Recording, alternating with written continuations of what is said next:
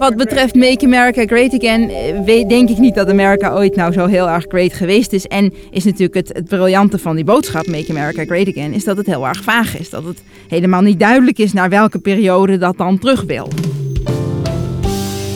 Sarah Polak, universitair docent Amerikanistiek, verbonden aan de Universiteit Leiden. Te gast in deze podcast van Wetenschap.nu.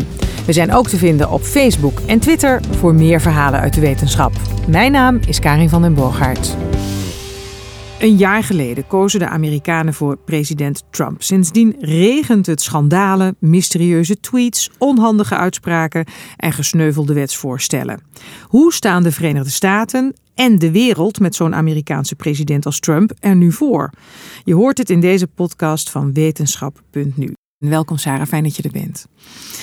Um, jaar geleden, hè, de verkiezing van Trump. Weet je nog waar je was? Ja, dat weet ik heel goed. Um, die avond, in Amerika was toen nog, natuurlijk nog dag, dus de stembussen waren gewoon nog open. Maar die avond had ik een um, panel in het Filmmuseum in Amsterdam. En daar keken we naar films van presidenten. Niet echt presidenten, maar dus zoals JFK en All the President's Men. En ook films waar fictieve presidenten in voorkwamen. En toen viel mij ontzettend op dat bijna al die presidenten mannen zijn waar werkelijk van alles en nog wat mee mis is. En dat is eigenlijk juist ook wat die film zo interessant maakt. En er waren een paar voorbeelden van films met een vrouwelijke president of presidentskandidaat.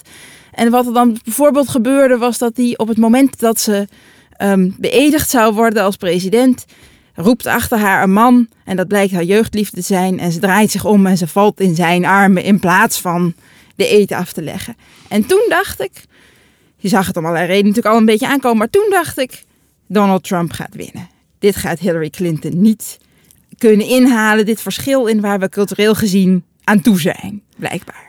En ik weet nog, ik heb jou toen ook gesproken, dat jij helemaal... Jij dacht dit toch blijkbaar en toch was je geschokt dat Trump het werd. Ja, zeker. Ik was, uh, nou ja, ik was eigenlijk misschien minder verbaasd. Ik was misschien wel, ik was niet zo heel erg verbaasd, maar ik was wel heel erg uh, geschokt. En um, ook omdat ik niet wist dat iemand als. Uh, of ik had geen idee wat er zou gaan gebeuren. En het was natuurlijk allerlei. Trump had allerlei uitspraken gedaan, zoals dat hij uit de NAVO zou stappen en zo. En um, ja, ik dacht. Wie weet valt uh, Poetin morgen de Baltische Staten binnen. Er waren natuurlijk heel veel mensen die over dat soort dingen speculeerden, wat er zou gaan gebeuren. En nou ja, de, aan de andere kant dacht ik ook wel dat het misschien al die dingen wel een beetje mee zouden vallen. Dat niet, dat niet van de ene op de andere dag echt verandert. En dat is ook wel een beetje wat klopt. Er waren natuurlijk heel veel mensen die dachten van we, gaan, we moeten gewoon een snelle impeachment zien af te dwingen. En daarvan dacht ik nooit dat dat zou gaan gebeuren. Nee, dat is ook nog niet gebeurd. Laten we reflecteren op ja. één jaar Trump. Is Amerika eh, door de verkiezing van Trump interessanter nog voor jou geworden? Jij was al heel erg geïnteresseerd in de Verenigde Staten.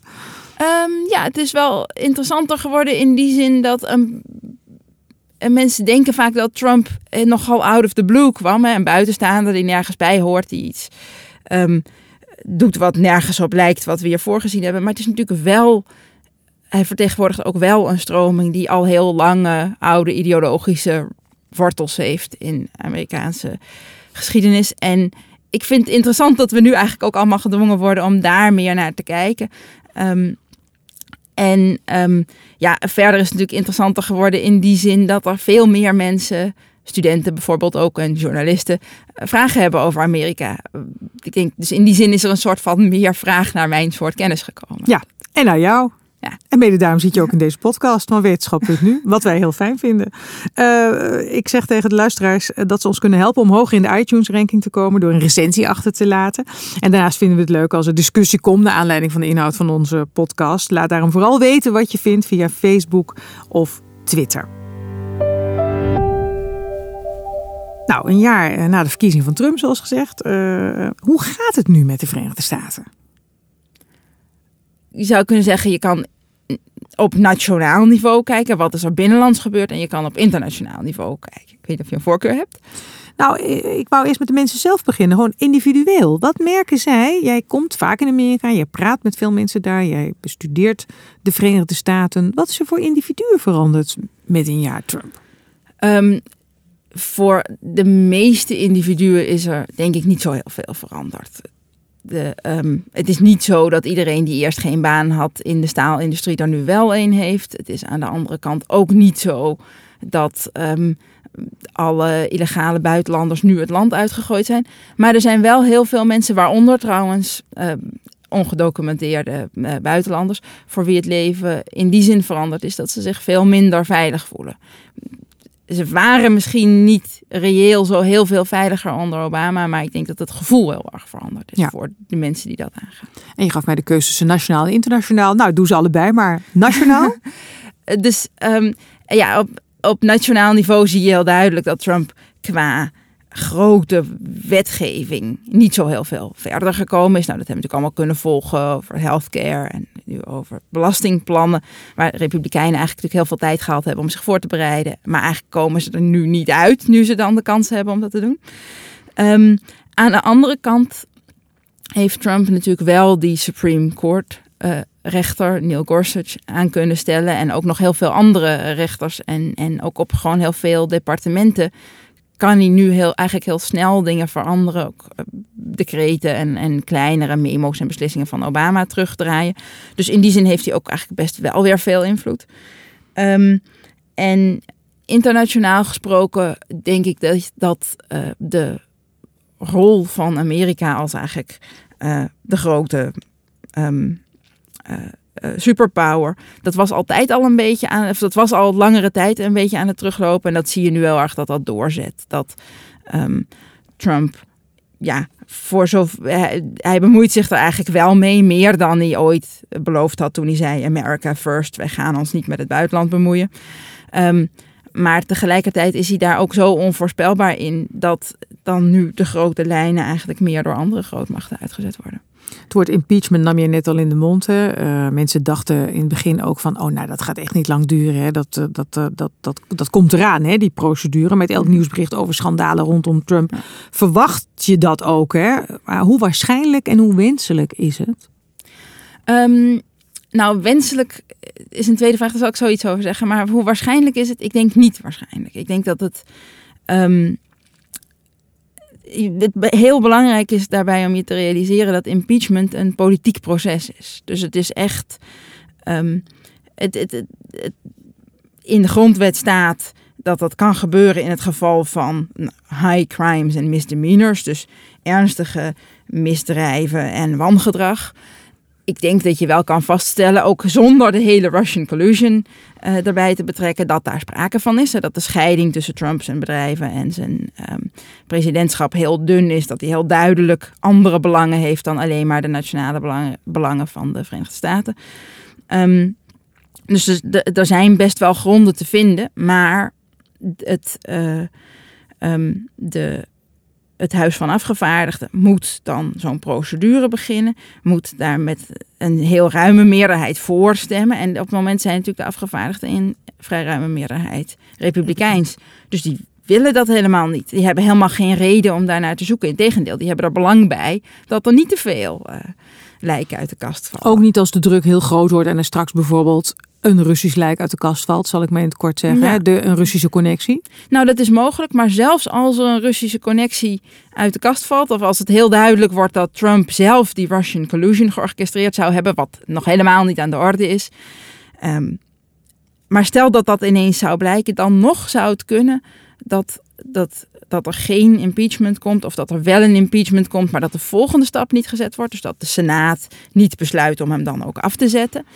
Um, en, en, dat komt denk ik voor een deel omdat er heel veel mensen, ook in de Senaat, ook in de, um, uh, om Trump heen, op alle niveaus, ook dan betrokken zouden kunnen zijn bij die, bij die Russian collusion. Dus dat is nog een. Um, dat is nog wel een andere mogelijkheid. Maar ik denk nu dat. dat um, om die, die rechtszaak of die impeachmentzaak te beginnen, daar, dan moet er politieke wil zijn om hem af te zetten. Ja. En dat is er nu gewoon niet. Nee. Dat zou hoogstens na 2018, stel dat er een enorme shift komt in het congres naar de Democraten, dan zou dat kunnen uh, um, gaan gebeuren. gebeuren. Hoe wenselijk zou het zijn?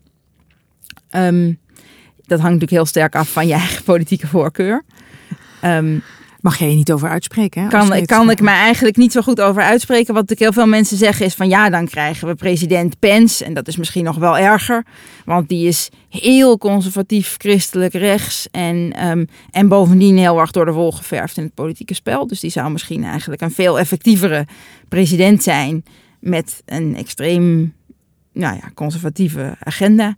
Ehm, aan de andere kant is natuurlijk ook als het gebeurt wat zou kunnen gebeuren, namelijk dat die Russian collusion inderdaad een heleboel schuldigen heeft, dan, dan is de kans vrij groot dat Pence daar ook van wist dat dat speelde in de campagne. Het is eigenlijk zelfs vrij onwaarschijnlijk dat hij er niet van wist. Dus dan, eh, ehm, ja, als het zo is, waar, waar ik niet, eh, wat we nog niet weten. Maar ehm, dus dan zou hij ook.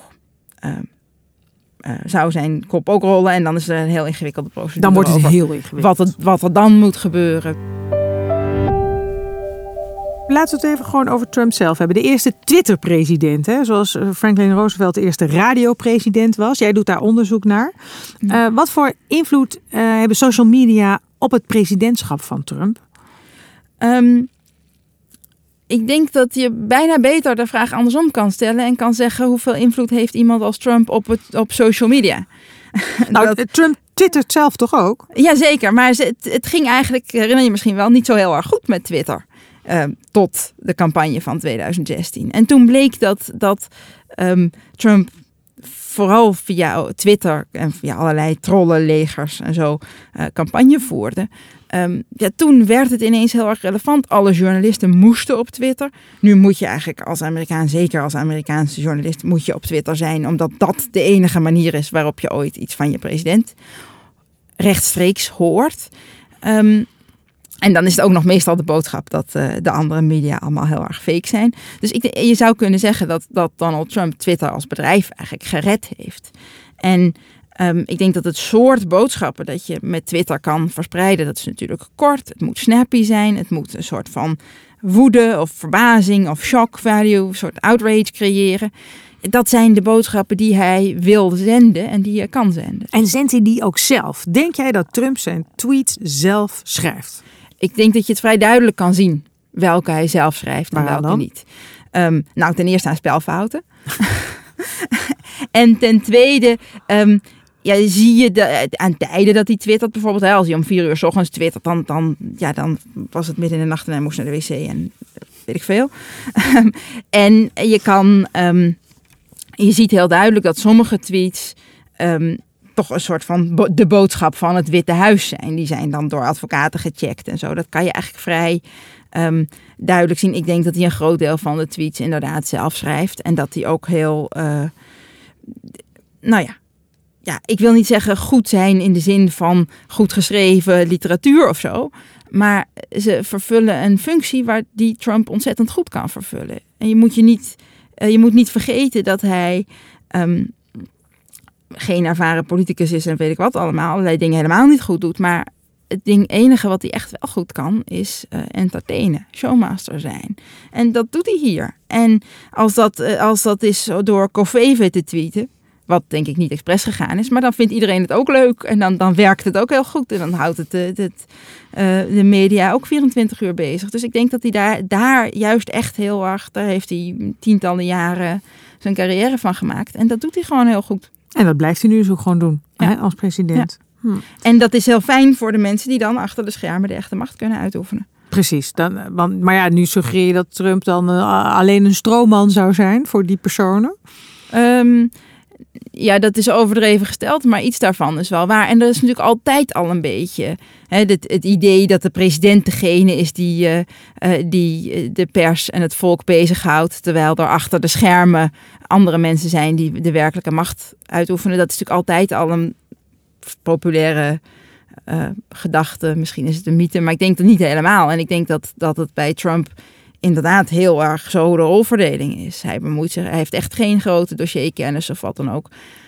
Hij eh, roept van alles en dat, eh, dan, daar, zijn, daar houden wij ons dan mee bezig. Ja, never a dull moment hè, met Trump het afgelopen jaar aan het roer, kunnen we wel zeggen. Nou ja, ofwel zou je kunnen zeggen. Eigenlijk Ja, is het altijd ja. hetzelfde. En Maar toch trappen we er steeds weer in. Ja. Alles wordt nieuws. Ja, ik. ik um, nou ja, daar, zit, daar, daar kan je dus aan zien hoe goed hij dit kan. En dat, dat is ook. Kijk, als je kijkt naar een show zoals The Apprentice, dat is ook jaar na jaar hetzelfde. En daar blijven we ook naar kijken. Dus dat, dat is. Daar heeft hij iets gevonden wat heel goed werkt. En wat. Um, en je ziet ook wel dat journalisten dan proberen om geen aandacht, minder aandacht te besteden aan die tweets. Of daar het, heel erg zoeken naar manieren om koppen te formuleren. Zoals um, Trump uh, zegt ten onrechte, dubbele punt. Maar dan zeg je eigenlijk alsnog, geef je de boodschap door. Dus dat is heel erg uh, zoeken. En je moet dat denk ik ook een beetje zien tegen het licht van dat het medialandschap door sociale media ook heel erg veranderd is. Het is heel erg... Uh, um, uh, nou ja, je zou kunnen zeggen gepolariseerd te zijn. Uh, media en websites en zo, die mensen aan de ene kant van het politieke spectrum lezen en aan de andere kant van het politieke spectrum. En daar zit bijna geen onderlinge overlap in. Geen um, uh, overeenstemming over wat de meest basale feiten zijn. Terwijl wat, je dat toch eigenlijk nodig hebt? Um, Want zo'n polarisatie, als jij nu beschrijft, drijft mensen in het land ook steeds verder uit elkaar. Als je het hebt over bedreiging van de Amerikaanse identiteit. We zitten nu met grote problemen, zoals die schiet, bloedige schietpartijen met het MeToo-schandaal. Maar iedereen uh, graaft zich links of rechts in. En dat, dat middenveld, waar is dat? Um, dat? Dat lijkt, als je naar sociale media en ook trouwens uh, mainstream media kijkt, eh, lijkt dat er niet meer te zijn. Lijkt dat, komt, dat komt niet meer voor het voetlicht. En ik herken dat zelf ook wel. Ik ben dan ook op Twitter en ik heb voor mijn onderzoek een apart Twitter-account waar ik um, mensen volg van de Amerikaanse alt-right. Um, dus ik heb zeg maar mijn eigen met allemaal wetenschappers en Amerikaans, Nederlands, internationaal en een, uh, Amerikaans alt-right uh, timeline. En die zijn totaal verschillend. En, um, en je krijgt ook verschillende zeg maar, nieuwe kennissen aangeboden. Nieuwe, um, uh, probeer ook eens die te volgen. En dat, en vaak die in diezelfde lijn passen. Die in diezelfde lijn passen. Vaak ook nog een stapje radicaler zijn in diezelfde lijn. En dus um, ja, dan heb je twee totaal verschillende uh, realiteiten in sociale media. En um, het is natuurlijk eigenlijk niet meer zo dat ik ondertussen ook um, met uh, andere mensen uit mijn buurt of uit mijn kerk of uit mijn supermarkt heel veel praat. Dat dat. Uh, ja, ik weet niet of die realiteit ooit echt zo was van een dorpsplein waar iedereen politieke meningen uitwisselde. Maar ik denk dat dat een setting is waarin mensen heel erg geneigd zijn naar het politieke midden en uh, de redelijkheid. En ja, wat jij zegt klopt ook wel een beetje. Um, terwijl dit een landschap is waarin het en dat geldt trouwens eigenlijk voor Facebook bijvoorbeeld nog sterker dan voor Twitter, want dat heeft een veel sterker algoritme.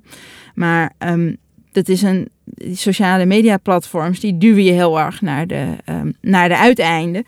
Um, waardoor het heel moeilijk is als, als maatschappij om het nog eens te zijn over de basale dingen. Er zijn heel veel mensen in mijn alt-right timeline. Gaat de Russian collusion, gaat niet over Trump, gaat over Hillary Clinton. Of course.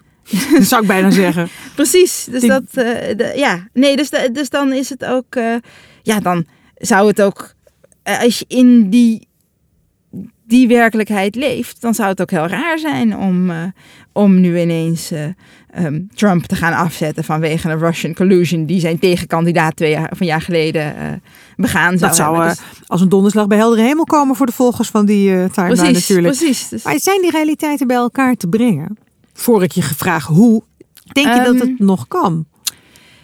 Eigenlijk denk ik dat het niet kan. Nee. Ik heb een soort van, van um, uh, ja, zelf een soort van nostalgisch idee van dat het goed zou zijn als we allemaal regionale kranten zouden lezen en vrijwilliger zouden worden in het buurthuis en, en meer. Uh, Om in ieder geval anders denken te ontmoeten en samen dat gesprek met, aan te gaan. Precies. Um, maar of dat werkelijk nog kan, dat de, ik, ja, dat vraag ik me af. Ik denk het eigenlijk niet. en ik denk een ook, hele pessimistische boodschap. Um, ja, en wat mijzelf dan ook opvalt nu ik het zeg, is dat het ook een beetje klinkt alsof ik terug wil naar vroeger toen alles beter was. Het is bijna een soort Make America Great Again. Um, dat, dat is. Uh, um, dat is dat toch klopt. niet zo? Wil je, terug, je wilt toch niet terug naar dat verleden? Nou, zit, ik, zit je toch meer op één lijn met Trump dan je dacht, Sarah? Make nou, America wat betreft great again. Make America Great Again, eh, weet, denk ik niet dat Amerika ooit nou zo heel erg great geweest is. En mhm. is natuurlijk het, het briljante van die boodschap, Make America Great Again, is dat het heel erg vaag is. Dat het helemaal niet duidelijk is naar welke periode dat dan terug wil. En wat, dat, dan betekent. Wat dat betekent, voor wie dat wat betekent. Um, uh, en dat is iets, iedereen kan daar wel iets invullen wat bij hem of haar past. En dat is niet hetzelfde. En zolang Trump dat niet concreet maakt, kunnen heel veel mensen zich daarmee identificeren. Maar het is wel anders dan veel andere um, typisch Amerikaanse um, ja, mythes, zoals bijvoorbeeld The American Dream. Die heeft eh, als overeenkomst met Make America Great Again dat het naar iets volkomen vaags verwijst, zodat het heel duidelijk heel iedereen voor zichzelf kan invullen.